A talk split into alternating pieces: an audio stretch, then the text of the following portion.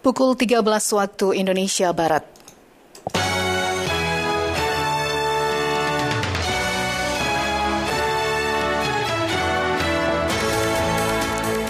Dari Medan Merdeka Barat 45 Jakarta inilah Radio Republik Indonesia dengan Warta Berita. 12 April nanti KPU dan Bawaslu periode 2022-2027 akan kita lantik dan segera mempersiapkan pemilu dan pilkada serentak di 2024. Kita setelah ini akan ke Thailand sekitar satu bulan nanti untuk uh, lebih memperkuat lagi ya sambil atlet kita supaya beradaptasi juga dengan lingkungan-lingkungan yang selama ini mereka tidak dapatkan di sana. Sari Berita, Presiden Joko Widodo akan melantik anggota Komisi Pemilihan Umum KPU. Menteri Luar Negeri Indonesia Retno Marsudi menegaskan agar perang segera dihentikan. Atlet triathlon Indonesia akan menjalani tryout satu bulan di Thailand. Pendengar inilah warta berita selengkapnya hari ini Senin 11 April 2022 bersama saya Luna Elia.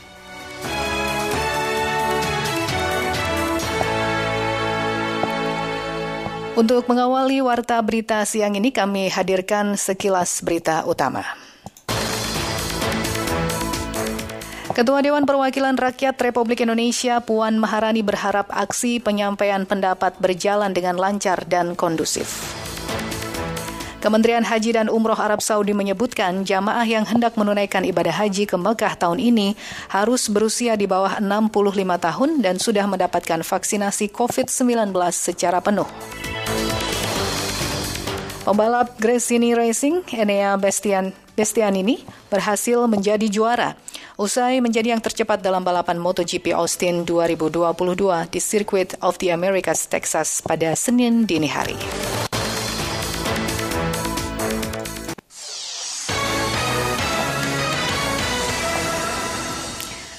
Presiden Joko Widodo akan melantik anggota Komisi Pemilihan Umum KPU dan juga Badan Pengawas Pemilu Bawaslu periode 2022-2027 besok Selasa 12 April 2022. Kepala negara mengerahkan mengarahkan anggota KPU dan Bawaslu yang baru harus segera mempersiapkan penyelenggaraan pemilu serentak secara matang. Berikut selengkapnya laporannya disampaikan reporter Pradipta Rahadi. Pemerintah telah memutuskan pemilu dan pilkada serentak 2024 akan tetap dilaksanakan sesuai jadwal. Pemilu serentak untuk pemilihan presiden dan wakil presiden, anggota DPR RI, DPD RI, dan DPRD akan dilaksanakan pada 14 Februari dan pilkada serentak dilaksanakan pada 27 November 2024. Demi menunjang hal tersebut, Presiden Joko Widodo menyatakan akan melantik anggota Komisi Pemilihan Umum dan Badan Pengawas Pemilu periode 2022-2027 besok Selasa 12 April 2022. Kepala negara mengarahkan anggota KPU dan Bawaslu yang baru nanti harus segera mempersiapkan penyelenggaraan pemilu serentak secara matang. 12 April nanti KPU dan Bawaslu periode 2022-2027 akan kita lantik dan segera mempersiapkan pemilu dan pilkada serentak di 2024. Oleh sebab itu kita nanti perlu berbicara dengan KPU dan Bawaslu mengenai persiapan-persiapan ini agar persiapan pemilu dan pilkada yang ini kita belum pernah punya pengalaman serentak itu betul-betul bisa kita persiapkan dengan uh, matang. Sebelumnya Menko Polhukam Mahfud MD menegaskan langkah Presiden melantik anggota KPU dan Bawaslu besok merupakan bentuk komitmen pemerintah mengikuti aturan konstitusi. Mahfud lantas juga menjelaskan bahwa pemerintah juga tentu akan mempersiapkan pemilu 2024 nanti sesuai dengan aturan undang-undang yang berlaku tanpa mencampuri kewenangan dari KPU dan Bawaslu.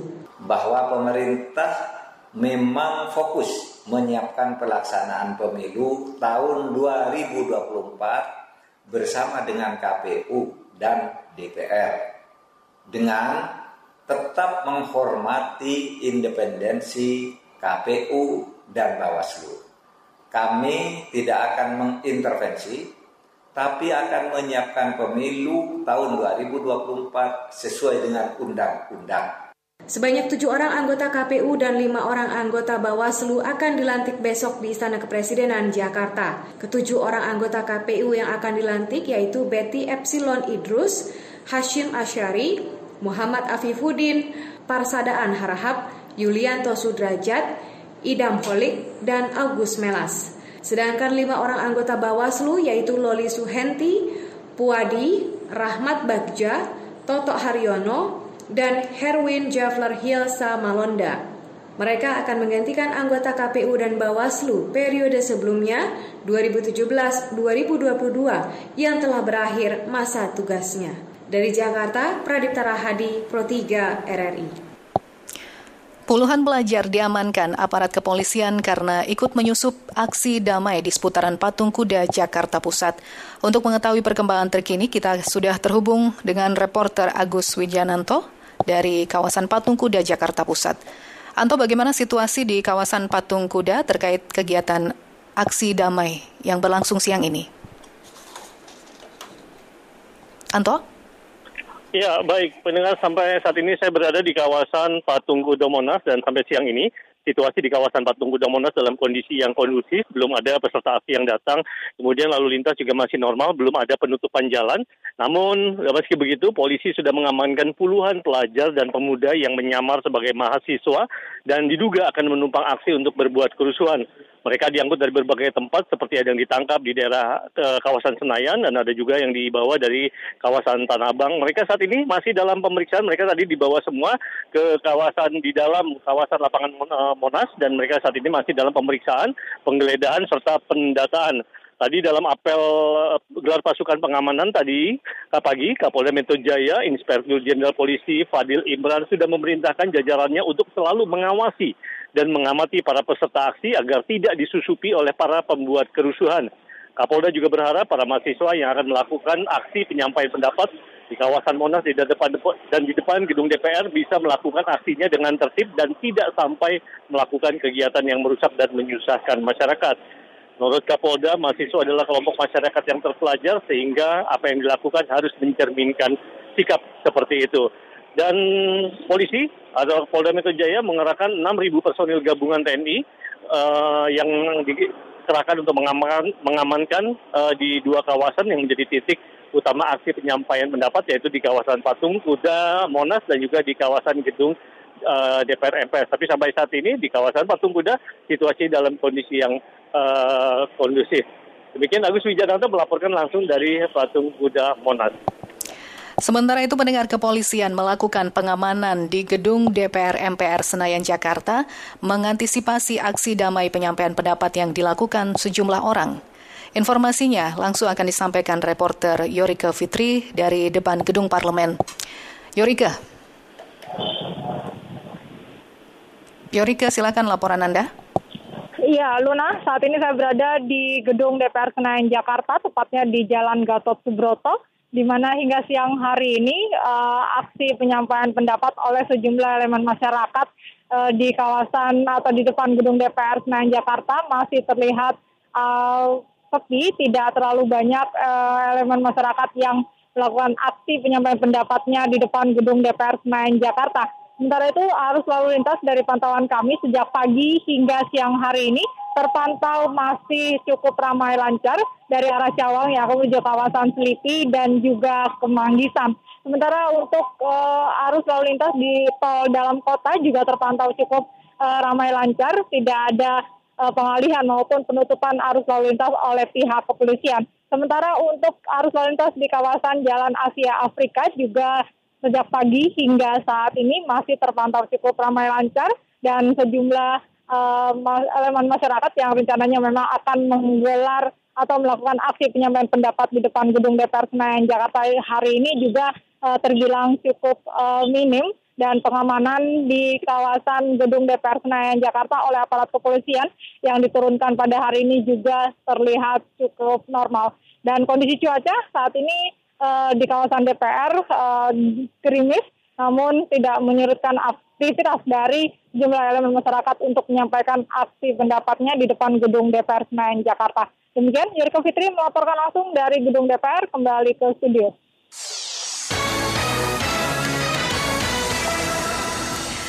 Terima kasih Anda masih mendengarkan Warta Berita Produksi Radio Republik Indonesia. Kepolisian bersama berbagai pihak terus berupaya melakukan upaya penanggulangan kebakaran lahan dan hutan atau karhutla. Di antaranya melakukan pendekatan langsung pada masyarakat agar tidak menempuh cara instan dalam membuka lahan. Berikut kita simak laporan bersama reporter Boyke Sinurat dari RRI Pontianak. Terkoderma, kawan-kawan dari pertanian pernah mengusulkan untuk itu. Pembukaan lahan tanpa bakar menjadi satu di antara upaya untuk menghindari terjadinya kebakaran hutan dan lahan, terutama pada lahan gambut untuk menjadi lahan pertanian maupun perkebunan. Khusus untuk masyarakat petani dan pekebun, pemerintah juga telah memberikan sosialisasi terkait cara pembukaan lahan tanpa bakar. Analis bencana Badan Penanggulangan Bencana Daerah BPBD Kabupaten Kuburaya Emilius Yusta mengungkap masyarakat menggunakan abu sisa pembakaran untuk menurunkan keasaman gambut karena jika tidak tanaman mereka sulit untuk tumbuh subur. Persoalannya, meskipun sudah ada cara buka lahan tanpa bakar, tapi dalam pelaksanaannya juga punya kendala. Terkoderma, kawan-kawan dari pertanian pernah mengusulkan untuk itu. Itu membutuhkan waktu kurang lebih sekitar 14-21 hari. Cuma 21 hari kan panjang. Yang kedua itu pernah di uji coba di Rasau menggunakan lumpur laut. Memang hasilnya bagus, tapi kan tidak tiap tanah lahan bisa sama. Udah gitu ada permasalahan lagi. Siapa mau ngambil dari laut? Sebenarnya karena nggak ada nih solusi untuk uh itu bisa aja dengan melakukan pembakaran bertanggung jawab. Sementara Wakapolresta Pontianak AKBP Natalia Budidharma menuturkan fenomena kebakaran hutan dan lahan tiap memasuki musim kering di Kalimantan Barat sudah menjadi hal rutin beberapa tahun belakangan. Kepolisian bersama berbagai pihak terus berupaya melakukan upaya penanggulangan, di antaranya pendekatan langsung pada masyarakat agar tidak menempuh cara instan dalam membuka lahan. Kemudian ada upaya yang terakhir, apabila dalam terjadinya satu kebakaran itu memang ada motif dan keinginan tertentu dari hmm. kelompok atau perorangan memang dia membuka dengan membakar. Jadi tentunya kita akan melakukan upaya-upaya penegakan hukum dan upaya penegakan ini tentunya diharapkan bisa memberi efek jerah. AKBP Budi Dharma menyebutkan hingga akhir Maret telah terjadi kebakaran pada beberapa titik di kota Pontianak, yaitu di bagian utara, tenggara, dan selatan. Bahkan api sempat menjalar ke wilayah pemukiman penduduk. Meskipun pada akhirnya api dapat dipadamkan, namun hal itu perlu menjadi perhatian semua pihak. Boyke Sinurat laporkan. Presiden Joko Widodo mengapresiasi program saham gotong royong yang ditawarkan PT Goto Gojek Tokopedia Tbk bersamaan dengan pencatatan saham perusahaan tersebut di Bursa Efek Indonesia hari ini. Selengkapnya informasi ini akan dilaporkan reporter Magdalena Krisnawati. Saham perusahaan PT GoTo Gojek Tokopedia Tbk hari ini resmi tercatat di papan utama Bursa Efek Indonesia. Dengan kode saham GOTO atau GoTo, perusahaan tersebut sekaligus menjadi perusahaan dekakorn pertama yang tercatat di Bursa Asia. Dalam kesempatan tersebut, Presiden Joko Widodo menyampaikan apresiasi atas pencatatan saham GoTo di Bursa Efek Indonesia, terutama program saham gotong royong yang dilakukan perusahaan GoTo Gojek Tokopedia berupa program kepemilikan saham inklusif bagi para mitra perusahaan tersebut. Saya menyampaikan selamat atas terlaksananya penawaran umum perdana IPO PT Goto Gojek Tokopedia Tbk di Bursa Efek Indonesia. Saya juga mengapresiasi program saham gotong royong, sebuah program saham inklusif yang membuka akses bagi ratusan ribu mitra driver, mitra UMKM, dan konsumen. Saya harap IPO PT Goto Gojek Tokopedia ini memotivasi anak-anak muda Indonesia untuk memberikan energi baru bagi lompatan kemajuan ekonomi negara kita. Pada kesempatan yang sama, Menko Perekonomian Airlangga Hartarto mengatakan ide saham gotong royong yang diinisiasi GoTo Gojek Tokopedia akan semakin memperkuat pemberdayaan UMKM di Indonesia. Dan yang menarik pada saat peluncuran saham ada saham gotong royong yang dibagi sebesar 310 miliar. Nah ini apresiasi karena ini juga salah satu Untuk yang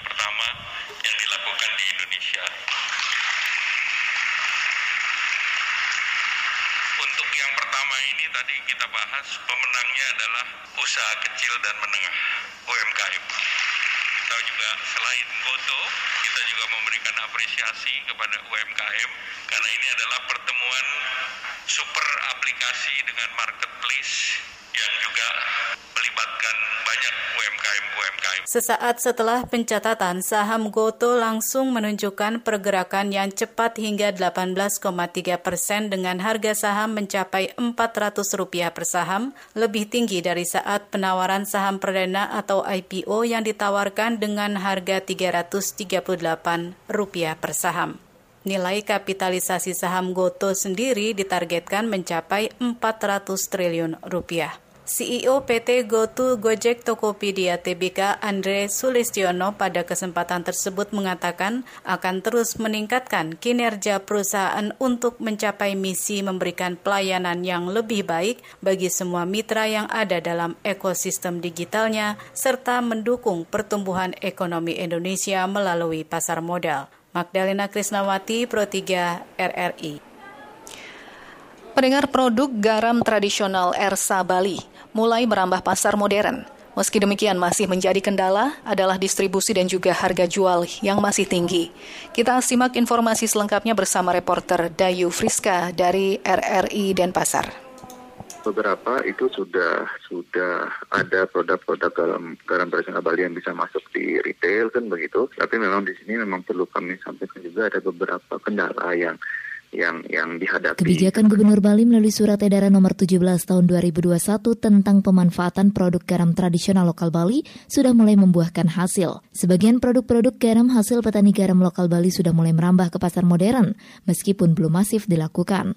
Ketua Asosiasi Pengusaha Retail Indonesia Aprindo Bali, Agung Agra Putra kepada RRI di Denpasar mengatakan, produk garam tradisional lokal Bali sudah merambah retail modern.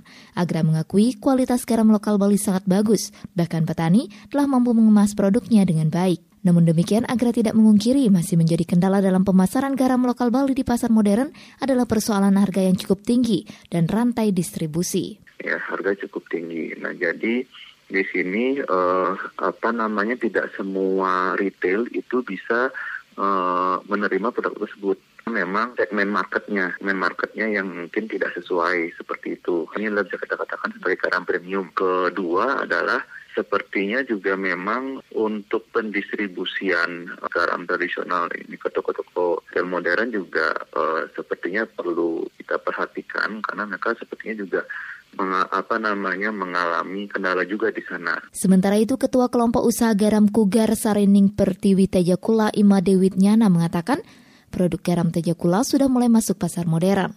Meski permintaan masih sedikit 10 hingga 100 kg, namun ia bersyukur produk garam Bali bisa merambah ke pasar modern. Dalam pemenuhan permintaan produk garam lokal Bali ini, ia mengaku masih terkendala produksi. Terlebih pada musim hujan ini ada penurunan produksi. Sebelumnya petani bisa memproduksi 400 hingga 500 kg per bulan, namun karena kondisi cuaca buruk hanya mampu memproduksi 250 hingga 300 kg per bulan selain cuaca kan juga banyak kan peralatan-peralatan tradisional dari petani itu sudah rusak, kebanyakan sudah lama itu. Biaya memperbaiki itu sangat berpengaruh juga. Selain pasar modern, produk garam tradisional Tejekulo juga dipasarkan secara nasional. Bahkan garam super Tejekulo dan garam piramid sudah berhasil diekspor hingga ke Jepang dan Amerika Serikat. Reporter RRI Denpasar, Dayu Friska melaporkan.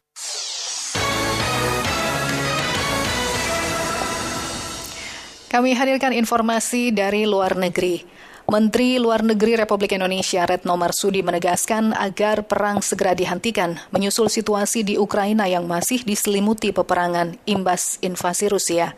Hal itu Retno ungkapkan dalam konferensi pers virtual bersama Menteri Luar Negeri Kanada Melanie Jolie di Jakarta pada Senin hari ini usai menggelar pertemuan bilateral.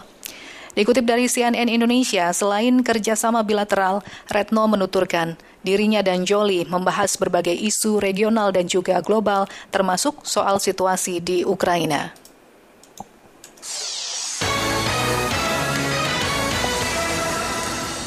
Sementara itu pendengar Ratu Inggris Elizabeth II mengeluh kelelahan parah setelah dinyatakan positif COVID-19 dengan gejala ringan pada Februari lalu. Dikutip dari CNN Indonesia, Elizabeth melontarkan keluhan itu saat berpidato di peresmian satu unit baru di rumah sakit di London Timur. Meski tak hadir langsung, Elizabeth menyapa para staf dan juga pasien melalui video.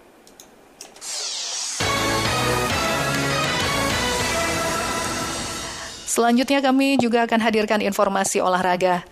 Atlet triathlon Indonesia akan menjalani tryout satu bulan di Thailand jelang pelaksanaan SEA Games 2022 Vietnam. Selengkapnya kita simak laporannya bersama Rian Apridani. Eh, kita setelah ini akan ke Thailand. Sejumlah cabang olahraga masih akan melakukan uji coba dalam beberapa hari menuju pertandingan SEA Games 2021 Vietnam. Sementara ini diketahui dua cabang olahraga masing-masing triathlon dan atletik mempersiapkan diri untuk tryout di luar negeri. Triathlon dijadwalkan akan melaksanakan tryout ke Thailand selama kurang lebih satu bulan. Ketua Umum Federasi Triathlon Indonesia FTI Joko Warsito mengungkapkan tryout di Thailand dimaksudkan untuk menyempurnakan persiapan para atlet yang diketahui menunjukkan performa yang baik. Joko mengatakan para atlet yang turun di nomor aquathlon maupun duathlon juga diharapkan dapat menyesuaikan diri dengan kondisi yang tidak mereka dapatkan di tanah air sehingga dapat lebih siap untuk menghadapi pertandingan. Kita setelah ini akan ke Thailand sekitar satu bulan nanti untuk uh, lebih memperkuat lagi ya sambil atlet kita supaya beradaptasi juga dengan lingkungan-lingkungan yang selama ini mereka tidak dapatkan sana. Kemudian hari ini catatan kita uh, sesuai ekspektasi, sesuai perkiraan kursnya juga catatan waktu kita bagus di dua ini, aquathlon maupun triathlon. Insya Allah persiapan untuk uh, hari nanti mudah-mudahan kita sudah Sementara Deputi 1 CDM Tim Indonesia Arlan Perkasa Lukman mengungkapkan tim pelatih akan melakukan evaluasi dari hasil uji try-in yang baru saja dilaksanakan beberapa hari lalu.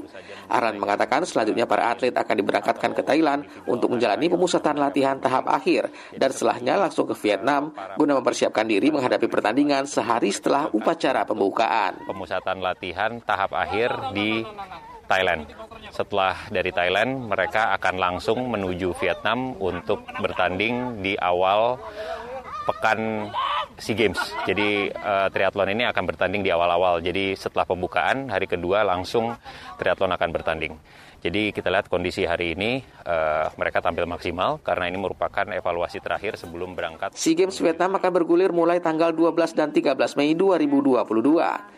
Namun beberapa cabang olahraga ada yang memulai pertandingan lebih dulu pada tanggal 6 Mei seperti sepak bola yang harus melalui babak penyisihan terlebih dahulu. Riana Pridani melaporkan. Sementara itu, saudara terdegradasinya Persipura Jayapura ke sepak bola Liga 2 Indonesia harus menjadi bahan introspeksi dan juga teguran bagi semua pihak demi kembali bangkit pada musim mendatang. Dari Jayapura kita simak laporan selengkapnya bersama reporter Naldi Kesaulia bagi saya sendiri ini semua sudah terjadi dan ini Tuhan izinkan ini terjadi tuh buat hmm. tim kita. Mantan pemain Persipura Jayapura Edward Rifak Dalam angkat bicara soal terdegradasinya Persipura Jayapura ke sepak bola Liga 2 Indonesia. Menurut Kakak Edu, momen degradasinya tim berjuluk Mutiara Hitam ini suatu bahan introspeksi dan teguran bagi semua pihak di dalam Persipura baik manajemen, pelatih dan pemain agar membenahi semua aspek yang dirasa adanya kekurangan. Hal itu disampaikan Kakak Edu kepada Papua Sport di Jayapura baru-baru ini. Jadi ke mana-mana saja pasti orang akan berbicara tentang Persipura. Kalau dia lihat kita kulit hitam itu. Kan begitu sehingga ini jadi ya dengan ini dampaknya sangat besar bagi kita. Ya masyarakat semua di tanah Papua mereka merasa kehilangan dengan Persipura tidak bisa musim besok tuh bertahan di Liga 1 tetapi hmm. bagi saya sendiri ini semua sudah terjadi dan ini Tuhan izinkan ini terjadi tuh buat hmm. tim kita. Sehingga ada evaluasi yang baik dari manajemen pelatih pemain sehingga ke depan kita bisa lebih maju lagi tuh dalam arti semua yang kita lihat ke depannya kita berbicara kayak profesional itu. Itu lebih penting. Bahkan pelatih yang pernah membawa tim PON Papua meraih medali emas menilai terdegradasinya Persipura menjadi bahan evaluasi agar mengikuti perkembangan sepak bola modern agar juga dikelolanya secara profesional sebab saat ini pihaknya merasa perkembangan sepak bola Indonesia sudah mengalami tren modern yang sangat signifikan. Kalau kita kembali ke kehidupan yang profesional, saya pikir tim ini pasti akan lebih terangkat lagi ke atas itu dan bukan hanya dia bisa dalam satu musim besar dan dia bisa naik, tetapi dia bisa naik dan dia bisa menjuara itu lagi kalau kita selalu mengikuti tren yang ada itu, tren positif yang ada selalu di sepak bola karena sepak bola dia berubah-ubah dan dia selalu mau maju itu. Ya, tiap modern, detik, tiap menit itu, tiap detik, tiap menit itu sepak bola ini dia berkembang terus itu. Jadi kalau kita tidak mengikuti sepak bola yang trennya modern, Hmm. kita masih dipakai yang kita juara di bertahun-tahun yang lalu punya metode itu yang kita masih pakai, saya pikir kita sudah ketinggalan, sudah tidak bisa itu. Diketahui setelah degradasinya Persipura ke kasta Liga 2, manajemen Persipura langsung menunjuk Ian Mandenas sebagai manajer baru yang sangat berambisi untuk mengembalikan kejayaan Persipura dengan menaikkan ke promosi Liga 1 Indonesia. Nalik Saulia melaporkan.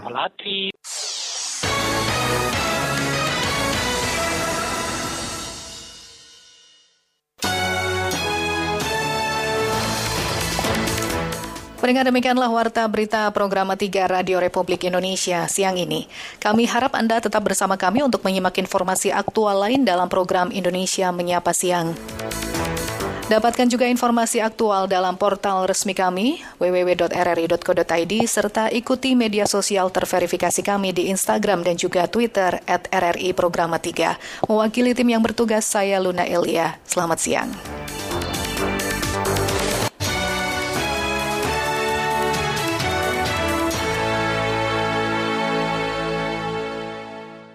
Pukul 19 waktu Indonesia Barat.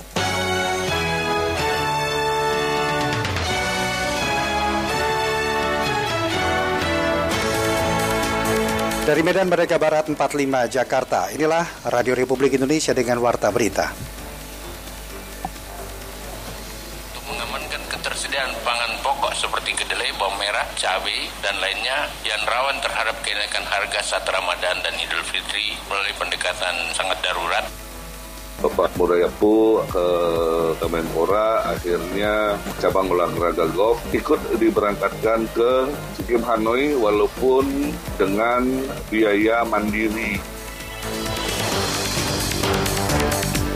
Sari berita, Menteri Pertanian Syahrul Yassin Limpo memastikan ketersediaan pangan strategis di pasaran hingga lebaran. Menteri Luar Negeri Retno Marsudi menekankan presidensi G20 mengedepankan kebijaksanaan dan komunikasi bersama seluruh anggota. Meski belum masuk cabang olahraga prioritas dalam desain besar olahraga nasional atau DBON, golf tetap akan diberangkatkan menuju SEA Games Vietnam. Inilah warta berita selengkapnya Senin 11 April 2022 bersama saya Rudi Zain.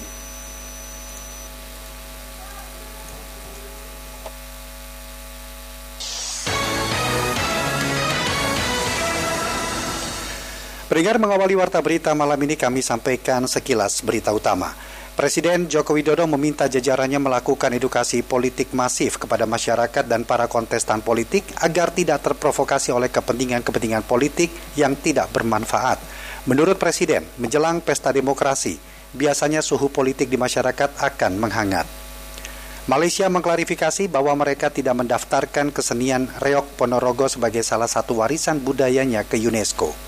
Arema FC kembali membuat gebrakan menjelang Liga musim depan. Tiga pemain level nasional resmi bergabung dengan tim berjuluk Singo Edan tersebut.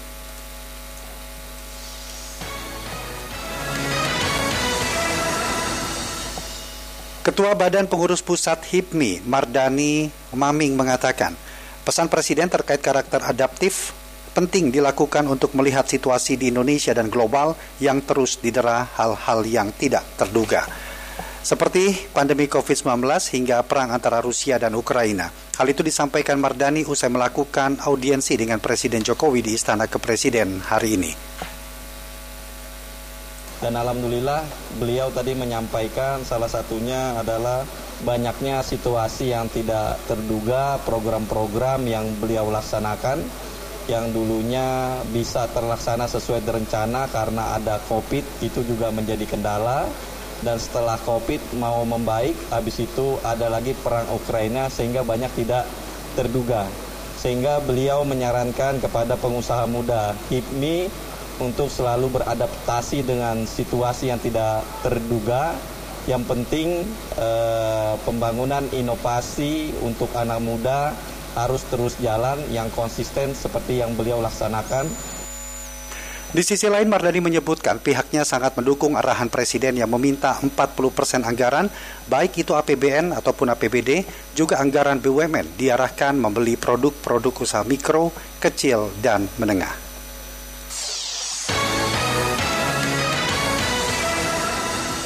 Peringat dalam rapat kerja di Komisi 4 DPR, Menteri Pertanian Syahrul Yasin Limpo memastikan ketersediaan pangan strategis di pasaran hingga lebaran. Anggota Komisi 4 Yohanis Franciscus Lema menyoroti sejumlah kenaikan harga pangan seperti daging sapi dan daging ayam. Selengkapnya Rizky Supermana melaporkan. Rapat kerja ini kami buka dan dinyatakan terbuka untuk umum.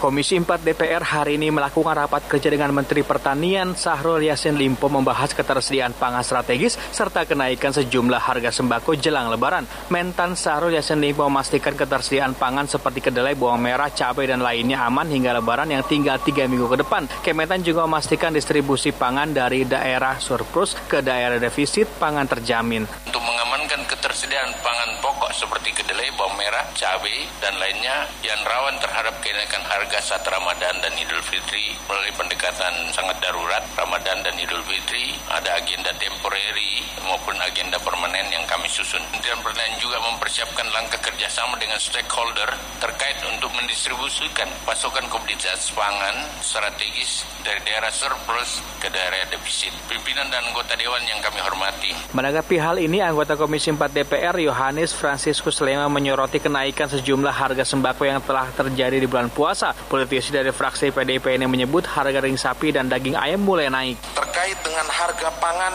yang naik jelang hari raya, bagi kami ini adalah suatu anomali atau suatu hal yang tidak lumrah. Kalau kita lihat di banyak negara di dunia, justru menjelang hari raya ini harga pangan, harga itu justru turun, bukan malah semakin meningkat. Betul harga-harga pangan yang baik, komoditas pertanian yang baik tentu menyenangkan para petani. Tetapi juga kita perlu mencari titik keseimbangan kepentingan petani sebagai produsen dan juga kepentingan masyarakat lainnya dalam hal ini sebagai konsumen. Mentan Sahrul Yassin Limpo menambahkan untuk memastikan ketersediaan pangan jelang lebaran, pihaknya terus akan melakukan pemantauan dan bekerja sama dengan Kemendak melakukan operasi pasar. Reski Supermana Pro 3 RRI.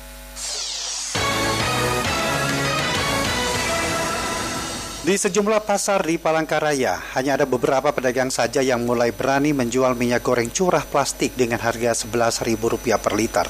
Reporter RRI Palangkaraya, Sabila Indasari melaporkan kan yang penting ada harga eceran tertingginya 11.000 sama 15.500. Pantauan RRI di Pasar Kahyan Palangkaraya masih ada dijumpai sejumlah pedagang yang menjual minyak goreng curah dengan plastik dengan harga 11.000 di bawah harga eceran tertinggi head untuk minyak goreng curah yang telah ditetapkan pemerintah sebesar Rp14.000 per liter. Saat dikonfirmasi RRI, pedagang sembako Pasar Kahayan Sarbani tidak mau banyak berkomentar. Ia mengatakan minyak yang dijualnya didapat dari toko sembako besar langganannya dengan harga 9.000 per liter dan dijual kembali dengan harga 11.000 per liter. Dalam sehari Sarbani hanya menjual 5 bungkus minyak curah dan tidak berani menjual minyak curah terlalu banyak. Sementara itu pedagang pasar besar Palangkaraya Wahidah mengaku tidak berani menjual minyak goreng curah dengan harga head Rp14.000 per liter karena tidak bisa untung dan kembali modal. Mengingat ambilan di distributor sudah di angka 13.800 rupiah per liter sehingga untung yang didapatnya sangat tipis. Ah, 13.8 kan modal lo disuruh jual. 14 kan terlalu tipis lo 2 rupiah. Jadi ada sebagian toko yang menolak itu nah kada datang kurasa kada datang rasanya. Nah kalau yang dari pihak kelurahan langsung terjun sudah terjual 14 bonnya. Ada kayaknya kada ada kayaknya ini masalahnya kan dihitung ongkos ngompa ongkos karyawan kan di, dihitung dari situ sekinak nah kalau ibaratnya cuma 2 rupiah? Menurut Kepala Bidang Perdagangan Dinas Perdagangan Koperasi UMKM dan Perindustrian Kota Palangkaraya Hadriansah sesuai peraturan Menteri Perdagangan Republik Indonesia nomor 11 tahun 2022 tentang penetapan harga eceran tertinggi minyak goreng goreng, harga eceran tertinggi minyak goreng curah Rp14.000 per liter dan Rp15.000 per kilogramnya. Selain itu, untuk mengantisipasi kelangkaan minyak goreng curah di Palangkaraya, pemerintah kota akan mendatangkan 200 ton minyak curah untuk memenuhi kebutuhan masyarakat saat Ramadan dan Hari Raya Idul Fitri 1443 Hijriah yang akan dibagikan melalui kelurahan tanggal berapa kemarin 16 Maret kalau nggak salah ada surat eh, Permendaknya peraturan Menteri. Ini pemerintah kota rencana kan sudah luar biasa mendatangkan minyak sekitar 200 ton minyak curah. Jadi nanti kita bersih sama dengan kelurahan-kelurahan nanti lewat kelurahan-kelurahan bagi minyak curah itu. Hadriansah menyampaikan pula program pemerintah kota selama Ramadan hingga Hari Raya Idul Fitri 1443 Hijriah tahun ini melakukan operasi pasar yang akan menyasar kebutuhan masyarakat seperti gas LPG, minyak goreng curah, dan sembako. Sabela Indahsari melaporkan. Terima kasih Anda masih mendengarkan Warta Berita Produksi Radio Republik Indonesia. Pendengar sejumlah orang siang hingga sore tadi mendatangi gedung parlemen untuk menyampaikan aspirasi dan untuk mengetahui kondisi saat ini di depan gedung parlemen serta bagaimana informasi lalu lintas. Kami telah terhubung bersama dengan reporter kami Yurike Fitri yang akan menyampaikan informasinya secara langsung. Yurike. Iya, Rudi, saat ini saya berada di gedung DPR Senayan Jakarta, tepatnya di Jalan Gatot Subroto. Dari pantauan kami, situasi arus lalu lintas pada malam hari ini khususnya di jalan arteri uh, sudah dibuka oleh aparat kepolisian uh, setelah uh, sore tadi uh, adanya aksi penyampaian pendapat oleh sejumlah elemen masyarakat di depan gedung DPR Senayan Jakarta dan pada saat uh, menggelar aksi penyampaian pendapat tersebut memang lajur atau jalan arteri uh, dari arah Cawang yang menuju kawasan Selipi dilakukan penutupan oleh aparat kepolisian karena memang banyaknya uh, masa aksi penyampaian pendapat tersebut.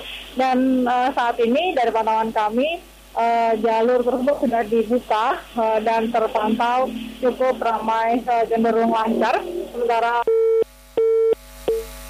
Ya, terputus sambungan telepon kami dengan reporter kami Yurika Fitri yang tengah menyampaikan informasi terkini suasana di depan gedung parlemen setelah siang hingga sore tadi mendatangi atau sejumlah orang mendatangi gedung parlemen untuk menyampaikan aspirasi. Kami akan coba untuk dapat tersambung kembali bersama dengan Yuri Fitri untuk mendapatkan kelengkapan informasi yang disampaikan pada saat ini.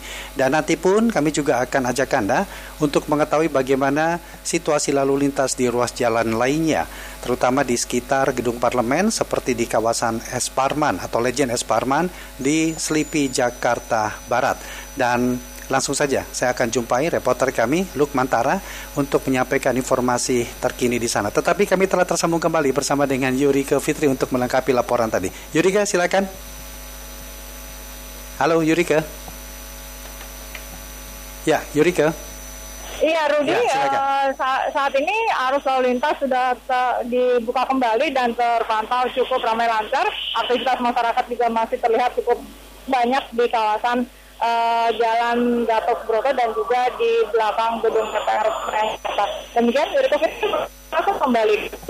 Ya, terima kasih Yuriko Fitri. Kita beralih ke kawasan Jalan Letjen S. Parma di kawasan Selipi, Jakarta Barat untuk mengetahui bagaimana suasana lalu lintas terkini bersama dengan reporter kami Lukman Tara. Lukman.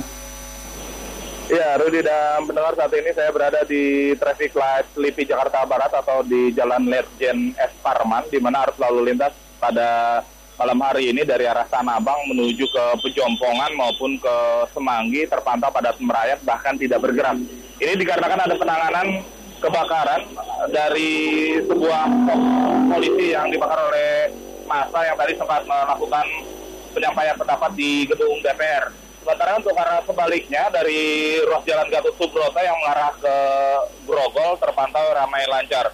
Untuk Anda para pengendara sebaiknya menghindari ruas jalan Lejen Esparman yang menuju ke arah Pejompongan maupun ke arah Semanggi karena memang tidak bergerak sama sekali. Dan bagiannya juga yang memang saat ini sedang menunggu paket dari driver ojek online ataupun paket lainnya harap bersabar karena memang banyak para pengendara ojek online yang mengantarkan paket biasanya tidak bisa berjalan sama sekali dan bahkan memang harus dihentikan sementara oleh pihak kepolisian. Dari ruas jalan Letjen S. Parman ini terpantau untuk cuaca baru saja reda setelah sebelumnya tadi diguyur hujan cukup deras. Dari ruas Selipi Jakarta Barat Lukmantara melaporkan, Rudi.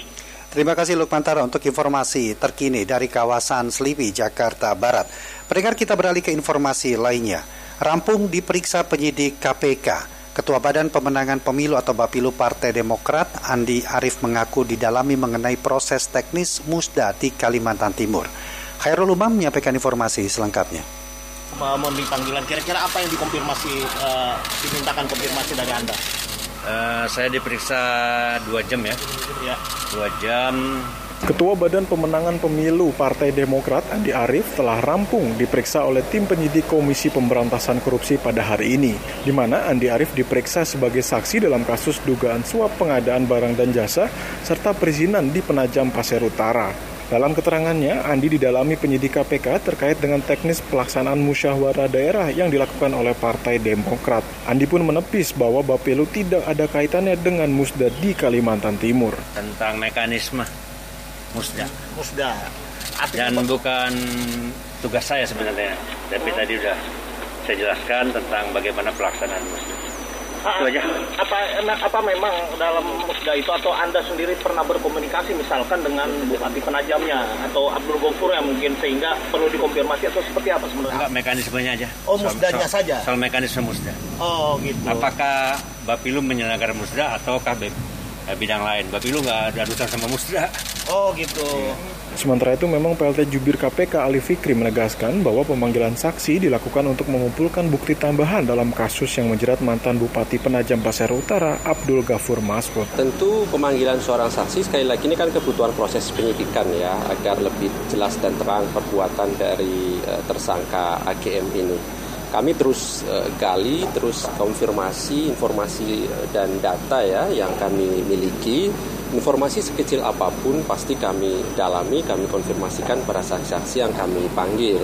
Nah, termasuk apakah uh, benar ada dugaan aliran uang ya ke pihak-pihak lain yang diserahkan oleh tersangka AGM ini terus kami dalami lebih lanjut Informasinya bahwa ada dugaan rasuah pada penajam Pasir Utara terjadi pada tahun 2021 di mana memang ada beberapa proyek pekerjaan di Dinas Pekerjaan Umum dan Tata Ruang serta Dinas Pendidikan Pemuda dan Olahraga Kabupaten Penajam Pasir Utara di mana nilai kontrak proyek itu berkisar 112 miliar rupiah. Sebanyak dua di antaranya yaitu proyek multi-years peningkatan Jalan Sotek Bukit Subur dengan nilai kontrak 58 miliar dan pembangunan gedung perpustakaan bernilai 9,9 miliar rupiah. KPK menduga Abdul Ghafur Masud telah menerima uang sebesar 1 miliar rupiah dari Ahmad Zudi yang mengerjakan proyek di Jalan Kabupaten Penajam Pasir Utara dengan nilai kontrak 64 miliar rupiah.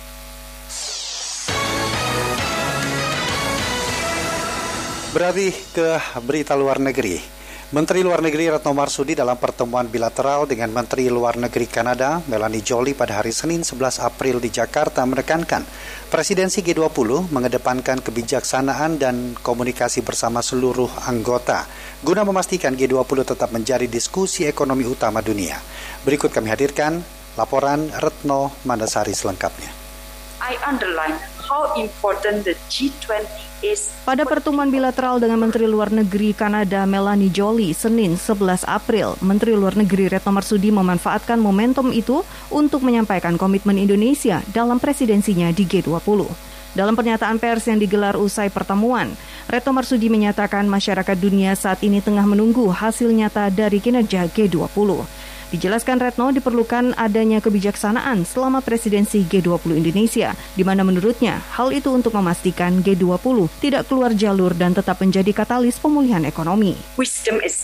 Kebijaksanaan diperlukan terutama di masa yang penuh tantangan ini. Kita tidak boleh kehilangan tanggung jawab jangka panjang G20 sebagai diskusi ekonomi utama dan sebagai katalis pemulihan ekonomi. Menteri Luar Negeri Retno Marsudi menambahkan Indonesia memastikan akan terus membuka konsultasi dengan seluruh anggota G20 termasuk bersama Kanada. Indonesia, Indonesia akan terus membuka komunikasi dan konsultasi dengan seluruh anggota G20 dan Indonesia sangat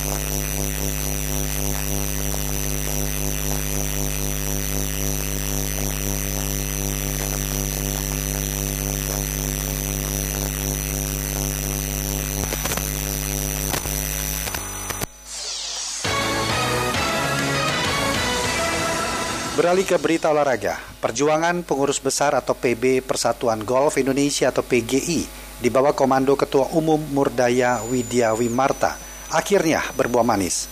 Meski belum masuk dalam cabang olahraga prioritas dalam desain besar olahraga nasional atau DBON, golf tetap akan diberangkatkan menuju SEA Games Vietnam mendatang.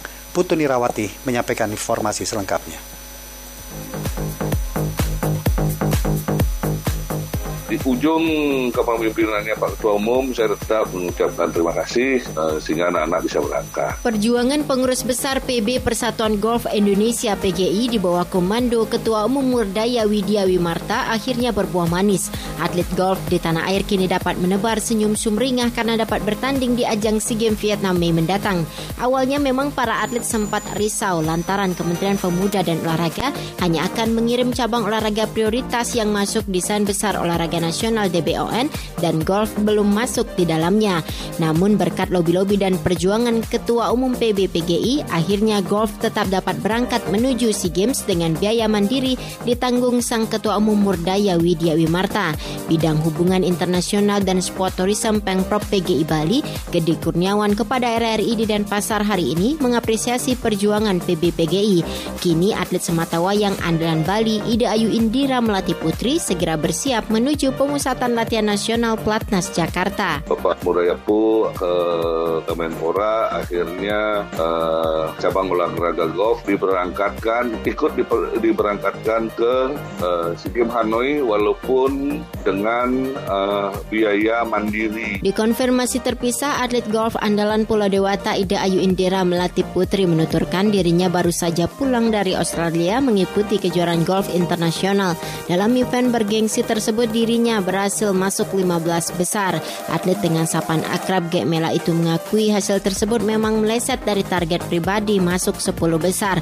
Namun ia tetap bersyukur mengingat di tengah ketatnya persaingan antar pegolf handal di negeri Kangguru, New Zealand, Malaysia juga Singapura mampu masuk 15 besar terbaik. Ya persaingan ketat juga, terus karena kondisi dan cuaca juga yang tidak familiar kan, sudah lama nggak main di tempat seperti itu, rumput juga berbeda. Target targetnya top 10 sih, tapi sedikit di luar. Dayu Mela berharap saat tampil di ajang SEA Games nanti mampu mempersembahkan yang terbaik untuk Merah Putih. Meski keberangkatan menuju ajang bergengsi level Asia Tenggara tahun ini dibiayai mandiri PBPGI, namun pemerintah khususnya Kementerian Pemuda dan Olahraga diharapkan tetap memberikan support mental kepada para atlet.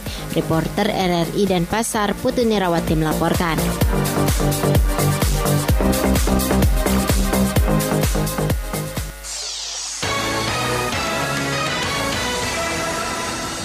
Pendengar Manchester City dan Liverpool telah menjalani pertandingan penting malam tadi atau dini hari tadi waktu Indonesia dalam lanjutan pertandingan kompetisi Liga Inggris di Etihad Stadium dengan hasil 2-2. Saat ini The Citizen memuncaki klasemen sementara dengan 73 poin, sedangkan The Reds Liverpool berada di posisi kedua dengan hanya berjarak satu poin. Melihat pentingnya laga tersebut, pelatih Manchester City Pep Guardiola menekankan pada timnya untuk tiga poin menjadi harga mati dan hasil akhir dari pertandingan atau disebut dengan Liga Inggris berhasil berakhir imbang dua sama. Bueno, yo creo que es, eh, es para valorar, ¿no? Porque di awal musim memang ada keraguan, tapi kami berjuang untuk menambah poin untuk tetap berada di liga. Jadi kami akan bertarung sampai akhir dan kami akan mencobanya. Karena itu sangat penting bahwa tim masih berada di liga dan mungkin kami akan berada di Eropa League. Tapi saya belum tahu kami nanti berada di final. Namun jelas para penggemar ingin merayakannya. Del Betis, eh, cuando tu equipo está en una final, pues obviamente lo que quiere la afición es poder celebrar. Pertandingan City dan Liverpool di Liga Inggris mengingatkan Guardiola akan persaingan Barcelona dan Real Madrid di Liga Spanyol. Namun menghadapi tekanan yang besar dalam mempertahankan tahta pimpinan klasemen, pelatih asal Spanyol itu mengaku tetap rileks dan optimis mampu meraih hasil sempurna, terutama saat ini mereka bermain di hadapan pendukung mereka sendiri.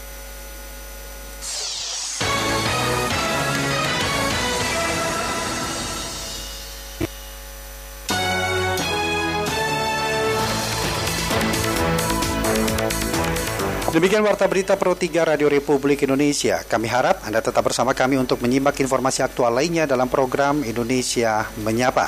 Dapatkan juga informasi aktual dalam portal resmi kami www.rri.co.id serta ikuti media sosial terverifikasi kami di Instagram dan Twitter at RRI Programa 3. Mewakili tim bertugas yang bertugas pada malam hari ini, saya Rudi Zain. Selamat malam.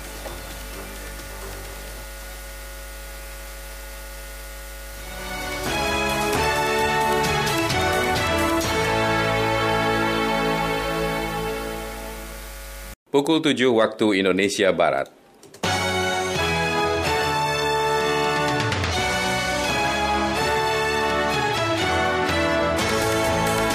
Dari Medan Merdeka Barat 45 Jakarta inilah Radio Republik Indonesia dengan Warta Berita. Sari berita, Presiden Joko Widodo menegaskan pelaksanaan pemilu dan pilkada serentak tetap berlangsung pada 14 Februari 2024. Calon pemudik mulai berupaya mendapatkan vaksin booster. Sebuah restoran di Belgia menggunakan robot untuk menyajikan hidangan pelanggan. Inilah warta berita selengkapnya Senin 11 April 2022 bersama saya Esti Sulistia. Saya M Subhan.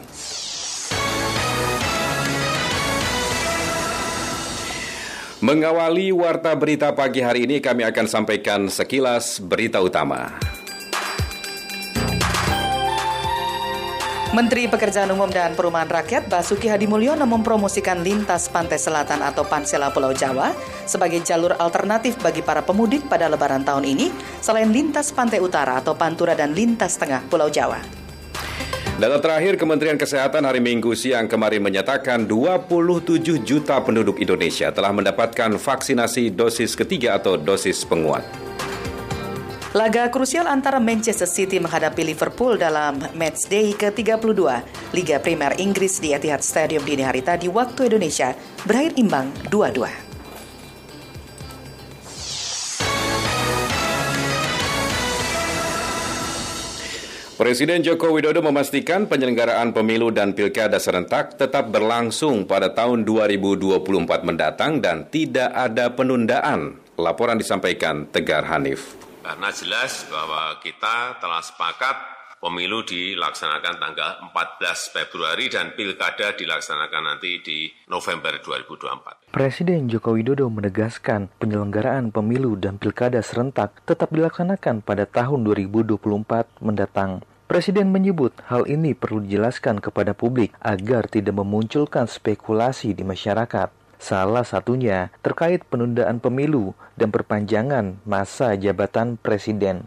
Hal itu disampaikan Kepala Negara saat memberikan pengantar rapat persiapan pemilu dan pilkada serentak tahun 2024 di Istana Kepresidenan Bogor minggu kemarin. Perlu dijelaskan, jangan sampai muncul spekulasi-spekulasi yang isunya beredar di masyarakat bahwa pemerintah tengah berupaya untuk melakukan penundaan pemilu atau spekulasi mengenai perpanjangan jabatan presiden dan juga yang berkaitan dengan soal tiga periode. Karena jelas bahwa kita telah sepakat pemilu dilaksanakan tanggal 14 Februari dan pilkada dilaksanakan nanti di November 2024. Sudah jelas semuanya. Sementara itu, Menteri Koordinator Bidang Politik Hukum dan Keamanan Mahfud MD mengatakan Presiden Jokowi dijadwalkan akan melantik anggota Komisi Pemilihan Umum KPU dan Badan Pengawas Pemilu Bawaslu periode 2022 hingga 2027 pada Selasa 12 April mendatang. Ini merupakan bukti bahwa pemerintah memang fokus menyiapkan pelaksanaan pemilu tahun 2024 bersama dengan KPU dan DPR dengan tetap menghormati independensi KPU dan Bawaslu. Kami tidak akan mengintervensi, tapi akan menyiapkan pemilu tahun 2024 sesuai dengan undang-undang. Sebagai informasi, Badan Eksekutif Mahasiswa Seluruh Indonesia BMSI berencana menggelar demonstrasi di depan Istana Negara hari ini. dalam aksinya nanti. Salah satu tuntutan yang akan dibawa para mahasiswa yaitu menolak wacana penundaan pemilu 2024 dan wacana perpanjangan masa jabatan presiden. Mahfud pun menegaskan pemerintah tidak melarang aksi unjuk rasa yang dilakukan mahasiswa. Menurutnya, aksi tersebut merupakan bentuk demokrasi. Meski demikian, ia mengingatkan penyampaian aspirasi harus dilakukan dengan tertib.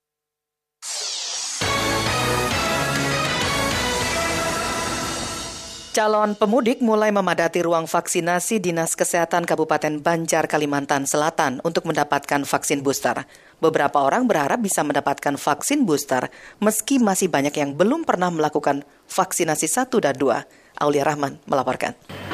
Ya, jadi mungkin karena keinginan mudik e, besar sehingga e, ingin juga mendapatkan kemudahan. Ruang vaksinasi Dinas Kesehatan Kabupaten Banjar di lantai dua kantor tersebut mulai ramai didatangi oleh para pelaku vaksinasi mandiri sejak awal bulan Ramadan. Adapun warga yang datang tersebut mayoritas mereka yang akan melakukan perjalanan antar pulau, baik ke Pulau Jawa, Sulawesi, dan juga daerah lainnya, agar dapat menikmati Idul Fitri bersama keluarga di kampung halaman. Hal itu dilakukan tidak lain agar tak lagi melakukan tes PCR ataupun juga antigen sebagai syarat tambahan mudik tahun ini. Dari pantauan di lapangan, bahkan beberapa orang berharap bisa mendapatkan vaksin booster atau ketiga, meski pemberian vaksin sebenarnya disesuaikan dengan jumlah dosis vaksin yang telah dilakukan warga bersangkutan. Seperti halnya Utomo yang mengaku baru melakukan vaksinasi yang pertama. Pertama, anu loh, apa, nggak boleh sama orang tua. Kemarin kan orang tua suruh pulang. Kan di sini sendiri loh. Dulu pernah loh apa masih sakit. Di puskesmas. Ada bisa bersuntik. Satu minggu panas. Ke spesialis. Satu minggu ada bisa jalan. Makanya itu orang tua kan takut kalau di sana kan ada apa-apa suntiknya kayak itu Sementara itu menurut Kepala Dinas Kesehatan Kabupaten Banjar, Hajah Yasna Kairita, kebanyakan warga yang melakukan vaksin mandiri karena mudik dari kawasan perkotaan seperti kawasan Kertakanyar, Gambut, Sungai Tabuk, dan juga Martapura yang telah mencapai seribu orang. Nah, memang ada ketentuan ya bahwa yang mudik diperkenankan mudik kalau e, sudah booster, tapi kalau tidak ada ketentuan-ketentuan lain, misalnya harus PCR ya.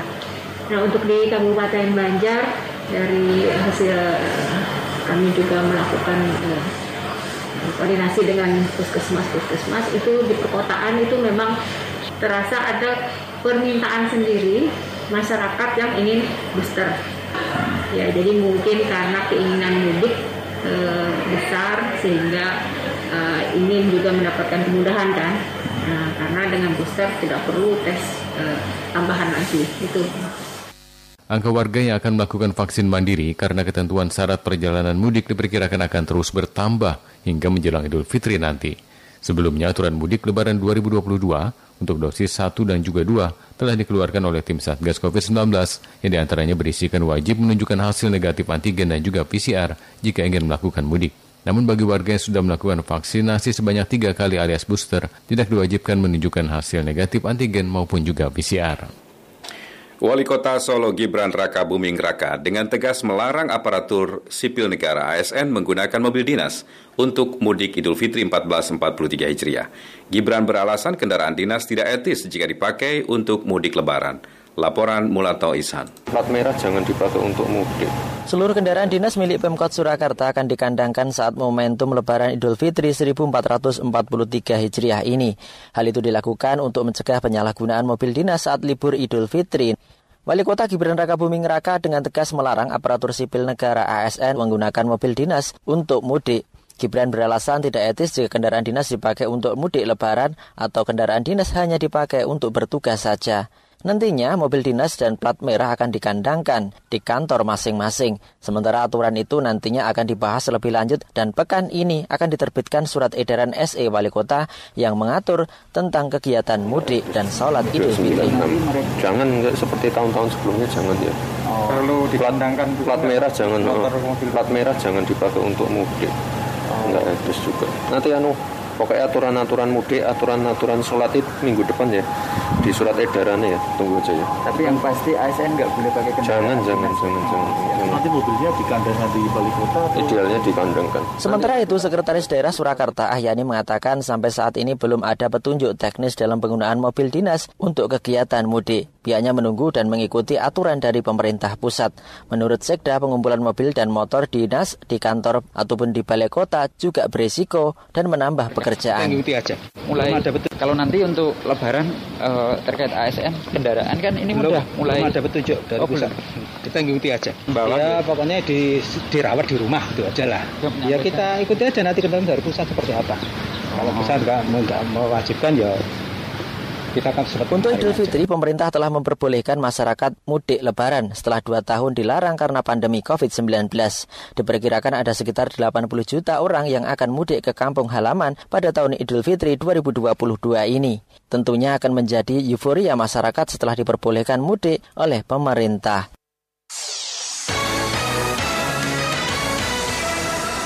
Terima kasih Anda masih mendengarkan Warta Berita Produksi Radio Republik Indonesia. Pemerintah Kota Tangerang Selatan direncanakan mulai mendirikan posko pengaduan tunjangan hari raya atau THR pada pekan depan. Sadat Udaren menyampaikan laporannya. untuk nanti dibentuk posko THR. Jadi kira-kira minggu depan lah. Dinas Tenaga Kerja atau Disnaker Kota Tangerang Selatan segera membentuk tim posko pengaduan tunjangan hari raya atau THR. Posko tersebut melayani persoalan hubungan industrial antara karyawan dan perusahaan yang bersengketa dan akan didirikan pada pekan depan. Posko pengaduan THR didirikan untuk menjaga hubungan industrial antara dunia usaha dengan pekerja. Hubungan keduanya harus terjadi harmonisasi. Pasalnya apabila tidak terjadi harmonisasi, ke depannya dapat mengganggu pertumbuhan ekonomi di kota Tangerang Selatan. Kepala Bidang Hubungan Industrial Dinas Tenaga Kerjaan Kota Tangerang Selatan, Peri Payacun, mengatakan mulai pekan depan posko pengaduan THR di Kota Tangerang Selatan sudah terbentuk. Posko ini sangat strategis dalam menjaga hubungan industrial antara dunia usaha dengan pekerja atau buruh. Tujuannya kan uh, kita ini menjaga hubungan industrial. Hubungan industrial antara pihak dunia usaha dan buruh pekerja gitu kan ya. Kan harus terjadi harmonisasi. Betul. Ya enggak? Supaya nanti kalau nggak harmonisasi nanti malah mengganggu pertumbuhan ekonomi di Tangerang Selatan. Sejatinya, Kementerian Ketenagakerjaan atau Kemenaker membentuk posko tunjangan hari raya atau THR 2022 untuk mengawasi pelaksanaan pembayaran THR di tahun ini yang wajib dibayarkan sesuai dengan peraturan perundang-undangan. Menteri Ketenagakerjaan Ida Fauziah mengatakan perusahaan wajib membayarkan tunjangan hari raya tahun 2002 ini kepada para karyawan secara penuh atau kontan dan tidak boleh dicicil. Ini bertugas untuk memberikan pelayanan konsultasi pembayaran THR dan penegakan hukumnya. Pelayanan ini dapat dimanfaatkan oleh pekerja atau buruh dan pengusaha secara daring atau online melalui posko thr.kemenaker.go.id. Diketahui posko itu mengacu pada surat edaran nomor M garis miring 1 garis miring HK titik 04 garis miring 4 Romawi garis miring 2022 tertanggal 6 April 2022 tentang pelaksanaan pemberian THR keagamaan tahun 2022 bagi pekerja atau buruh di perusahaan maka pembayaran THR harus dilakukan sesuai peraturan perundang-undangan. THR keagamaan yang merupakan pendapatan non upah juga wajib dibayarkan oleh pengusaha kepada pekerja atau buruh paling lambat tujuh hari sebelum hari raya keagamaan. Kamar Dagang Indonesia berharap Kementerian Ketenagakerjaan membuka ruang diskusi bagi pengusaha untuk berdialog terkait mekanisme pembayaran tunjangan hari raya THR keagamaan. Hal ini berkaitan dengan kemampuan perusahaan yang belum sepenuhnya pulih dari hantaman COVID-19.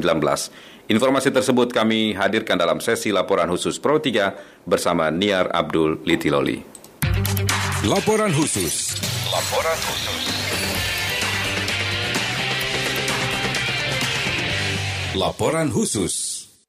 THR keagamaan adalah merupakan pendapatan non upah yang wajib dibayarkan oleh pengusaha kepada pekerja. Akhir pekan lalu, Kementerian Ketenagakerjaan Republik Indonesia menerbitkan aturan mengenai pemberian tunjangan hari raya atau THR 2022. Berdasarkan surat edaran menakar tentang pelaksanaan pemberian tunjangan hari raya keagamaan tahun 2022 bagi pekerja atau buruh di perusahaan, perusahaan diwajibkan untuk membayar THR paling lambat tujuh hari sebelum hari raya keagamaan. Untuk perusahaan yang mampu diimbau untuk membayar THR lebih awal sebelum batas waktu tersebut.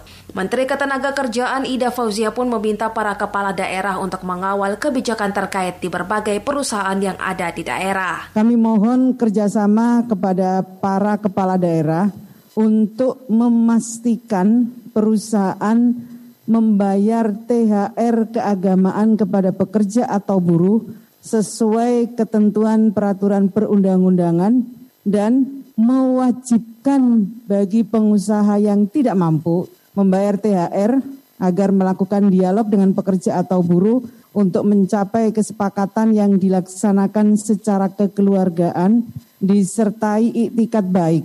Kesepakatan dibuat secara tertulis mengenai waktu pembayaran THR keagamaan dengan syarat paling lambat dibayar sebelum Hari Raya Keagamaan tahun 2021 pekerja atau buruh yang berdasarkan laporan keuangan internal perusahaan yang transparan. Menanggapi keputusan Kemenakar, Wakil Ketua Umum Kamar Dagang Indonesia Kadin Sarman Simanjorang dalam dialognya bersama Pro 3 RRI mengaku mengapresiasi keputusan tersebut. Namun Sarman berharap pada ruang diskusi yang dibuka untuk menjembatani para pengusaha, karena menurutnya belum semua sektor usaha dapat menjalankan aturan THR oleh Kemenakar. Jadi kami memang berharap bahwa himbauan Pak Ibu Menteri sudah sudah cukup bagus, tapi harapan kami juga tetap diberikan ruang kepada eh, pengusaha-pengusaha yang uh, memang sama sekali tidak mampu. Yang kedua, ada kemampuan tapi mungkin tidak 100%. Jadi ini juga harus dibuka ruang untuk melakukan negosiasi atau berdialog ya dengan terbuka dan transparansi ya sehingga uh, hubungan industrial dan komunikasi antara pekerja dan pengusaha itu uh, bisa saling membuka diri, saling mengerti, saling memahami akan kondisi keuangan masing-masing sektor usaha. Sementara itu Presiden Konfederasi Serikat Pekerja Indonesia KSPI Said Iqbal menyebut tidak ada lagi yang perlu dinegosiasikan terkait THR pekerja. Karena menurut Iqbal, dengan adanya pertumbuhan ekonomi menandakan bahwa ada sumbangsi dari pekerja atau buruh. Sehingga sudah sewajarnya THR didapatkan sebagaimana mestinya tanpa cicilan apalagi penundaan. Pertumbuhan ekonomi udah naik, udah di positif kan ya, dan cenderung naik terus 3,2 persen kalau nggak salah. Itu artinya hampir semua sektor baik manufaktur maupun non manufaktur sudah tumbuh. Dengan demikian, ada kontribusi produktivitas buruh. Alasan yang kedua adalah daya beli buruh itu dan masyarakat kecil sedang jatuh karena tiga tahun berturut-turut upah minimum itu nggak naik. Eh, pemerintah sudah memberikan keringanan yang luar biasa kepada para pengusaha, tapi dari sisi buruh dan masyarakat kan daya beli atau purchasing power-nya turun. Sesuai pasal 79 Peraturan Pemerintah Nomor 36 Tahun 2021 tentang pengupahan, perusahaan akan dikenakan sanksi apabila tidak memberikan THR kepada pekerjanya. Sanksi itu bertingkat mulai dari teguran hingga pembekuan operasional. Kemenaker sendiri telah membentuk pos komando satuan tugas atau posko Satgas Ketenaga Kerjaan Pelayanan Konsultasi dan Penegakan Hukum THR 2022 untuk mengantisipasi munculnya keluhan dalam pelaksanaan pembayaran THR. Sistem kerja posko Satgas tersebut akan terintegrasi dengan situs poskothr.kemenaker.go.id. Dari Jakarta, Niera Abdul Piloli, Pro 3 RRI. Berikut kami hadirkan tanggapan masyarakat mengenai kewajiban pengusaha memberikan THR keagamaan meski ada beberapa sektor usaha yang mengaku belum pulih dari hantaman pandemi. Nama saya Fahri dari Tebet, Jakarta Selatan. Syukur ya kalau memang sudah ada perhatian khusus dari Kementerian Ketenagakerjaan terkait masalah THR. Terlebih dengan adanya surat edaran Menaker bagi para pengusaha terkait mekanisme pembayaran THR. Jadi setidaknya para pekerja juga punya jaminan dan landasan hukum untuk mendapatkan hak mereka. Nama saya Yusuf, tinggal di Ambon adanya surat edaran Menteri Ketenagakerjaan soal mekanisme THR tentu adalah kabar baik bagi para pekerja. Tapi selain pekerja, ada banyak pengusaha yang terdampak secara ekonomi selama uh, lebih dari dua tahun pandemi COVID-19 yang melanda dunia, termasuk di Indonesia. Bahkan beberapa sampai saat ini masih berjuang untuk bangkit. Saya Rizky dari Jakarta Selatan. Menurut saya, baik pemerintah, pengusaha maupun masyarakat harus menemukan jalan tengah yang paling baik untuk semua pihak di mana para pengusaha tidak merasa terbebani atas kewajiban yang dilakukan oleh pemerintah serta mereka juga bisa memenuhi kewajibannya untuk memberikan THR kepada masyarakat.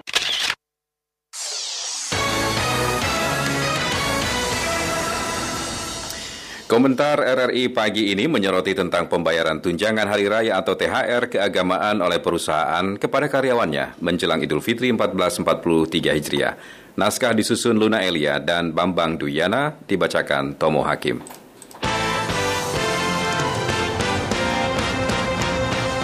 Editorial Selamat pagi pendengar Pro 3 RRI.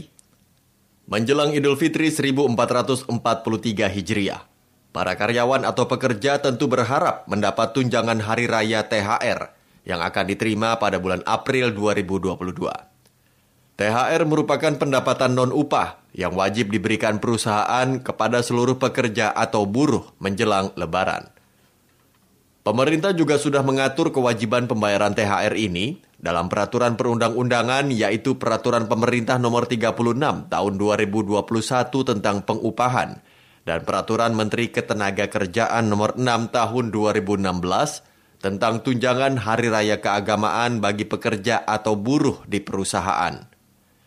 Ini tentu menandakan bentuk kepedulian negara atas warganya untuk tetap bisa merayakan hari raya keagamaan dengan sukacita.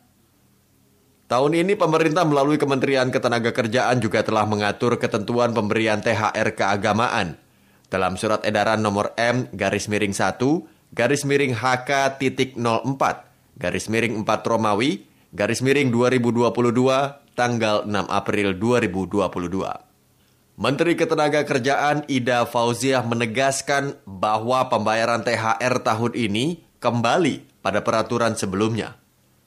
Dengan melihat situasi ekonomi di Indonesia yang sudah lebih baik, maka perusahaan wajib membayarkan THR sebesar satu bulan gaji bagi karyawan yang sudah bekerja minimal 12 bulan.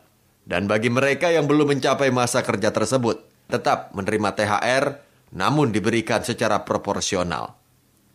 Menteri Ketenagakerjaan juga menyebut agar pembayaran THR dilakukan secara penuh alias kontan. Anggota Komisi 9 DPR RI Rahmat Handoyo bahkan menyebut Para pengusaha tidak boleh berlindung menangguhkan pembayaran THR karena alasan ekonomi atau lainnya. Karena kita sepakat, di saat daya beli masyarakat rendah, sementara harga-harga mulai merangkak naik, maka sudah selayaknya THR harus dibayar, karena memang ini kewajiban pengusaha. Rasanya tidak berlebihan bila THR ini bisa dibayarkan paling lambat tujuh hari terakhir jelang Hari Raya Idul Fitri, sehingga bisa membantu para pekerja merayakan Lebaran. Situasi ekonomi di Indonesia dalam beberapa bulan terakhir memang telah menunjukkan tren positif. Hal ini dapat dilihat dari pertumbuhan ekonomi di tahun 2021 sebesar hampir 4 persen, lebih tinggi dibanding capaian tahun 2020 yang mengalami kontraksi pertumbuhan sebesar 2,07 persen. Sektor usaha juga sudah mulai menggeliat Seiring pelonggaran kebijakan pemberlakuan pembatasan kegiatan masyarakat atau PPKM sebagai imbas pandemi COVID-19. Meski memang masih ada sejumlah sektor usaha yang berupaya pulih dari krisis akibat pandemi, namun para pengusaha telah berkomitmen untuk tetap melakukan kewajibannya membayarkan THR kepada karyawan. Bahkan jika memungkinkan, perusahaan yang tumbuh positif dan profitnya bagus – disarankan memberi THR lebih dari satu bulan gaji kepada pekerjanya. Terkait pengawasan, ini harus menjadi tanggung jawab semua pihak, baik dari pusat hingga daerah, sebab di dalamnya tercantum sanksi administrasi hingga sanksi tegas kepada perusahaan yang melalaikan kewajibannya. THR sering kali dianggap sebagai bonus bagi pekerja, karena pendapatan tersebut diterima di luar upah rutin mereka. THR bukan hanya hak para pekerja yang berstatus tetap, melainkan juga para pekerja kontrak, outsourcing, tenaga honorer, buruh harian lepas di perkebunan, supir, bahkan asisten rumah tangga atau ART. Pendapatan ini tentu layak ditunggu-tunggu untuk diterima menjelang hari raya keagamaan, di mana kebutuhan masyarakat sedang tinggi-tingginya. Sekian komentar. Selamat pagi.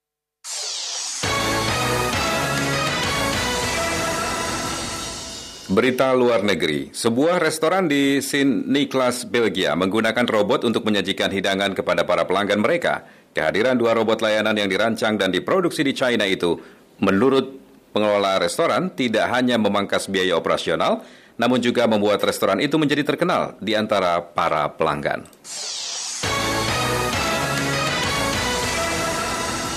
Beralih ke informasi olahraga, Pelatih ganda putra bulu tangkis Indonesia Harry Ipe menyebut kekalahan Rian Fajar Alfian di partai final Korea Open 2022 disebabkan oleh stamina yang terkuras akibat padatnya pertandingan di Eropa. Berikut Sugani Avandi melaporkan.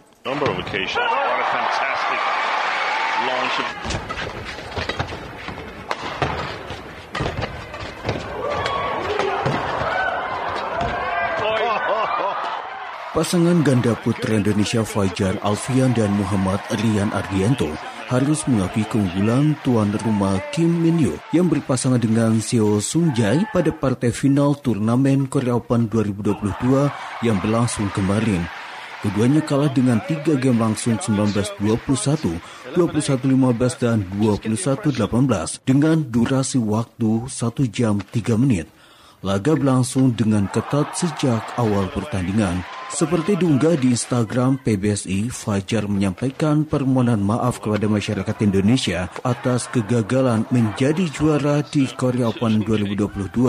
Kendati demikian, Fajar tetap bersyukur dengan capaian masuk ke partai final kita akan memperbaiki untuk turnamen selanjutnya apa yang kurang dan kita harus semangat terus gitu. Kita cukup puas tapi masih banyak banget yang harus diperbaiki stamina, fisik dan ketenangan di lapangan juga. Sementara itu Rian Ardianto memberikan evaluasi khususnya untuk bola-bola depan. Diakui kemenangan di Swiss Open beberapa minggu lalu memberikan kepercayaan diri termasuk di Korea Open kendati gagal juara. Pertandingan tadi kita lebih banyak bola depannya yang kalah ya sama mereka. Jadi evaluasinya kita harus lebih siap lagi untuk bola-bola depannya. Jadi kita bisa melawan mereka.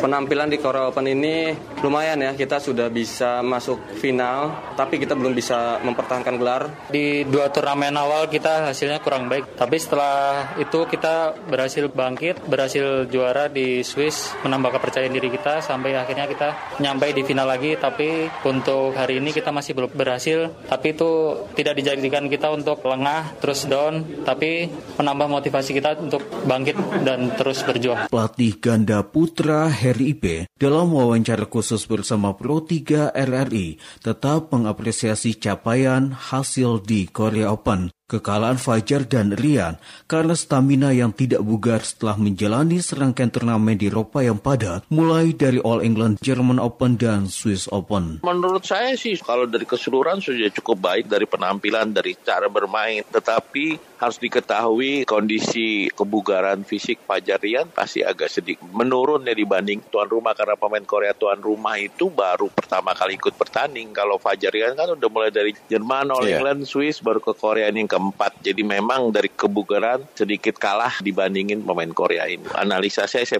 kalau dari segi permainan sih tidak terlalu jauh ya. Kalau memungkinkan, kalau Fajarian kondisinya lebih segar, mungkin dia bisa memenangkan pertandingan. Hasilnya akan berbeda. Dengan hasil ini, Indonesia gagal membawa gelar juara karena di sektor tunggal putra, Jonathan Christie secara mengejutkan kalah atas pemainan unggulan dari Cina, Weng Hong Yang dengan rubber game 12-21 21-19 dan 21-15.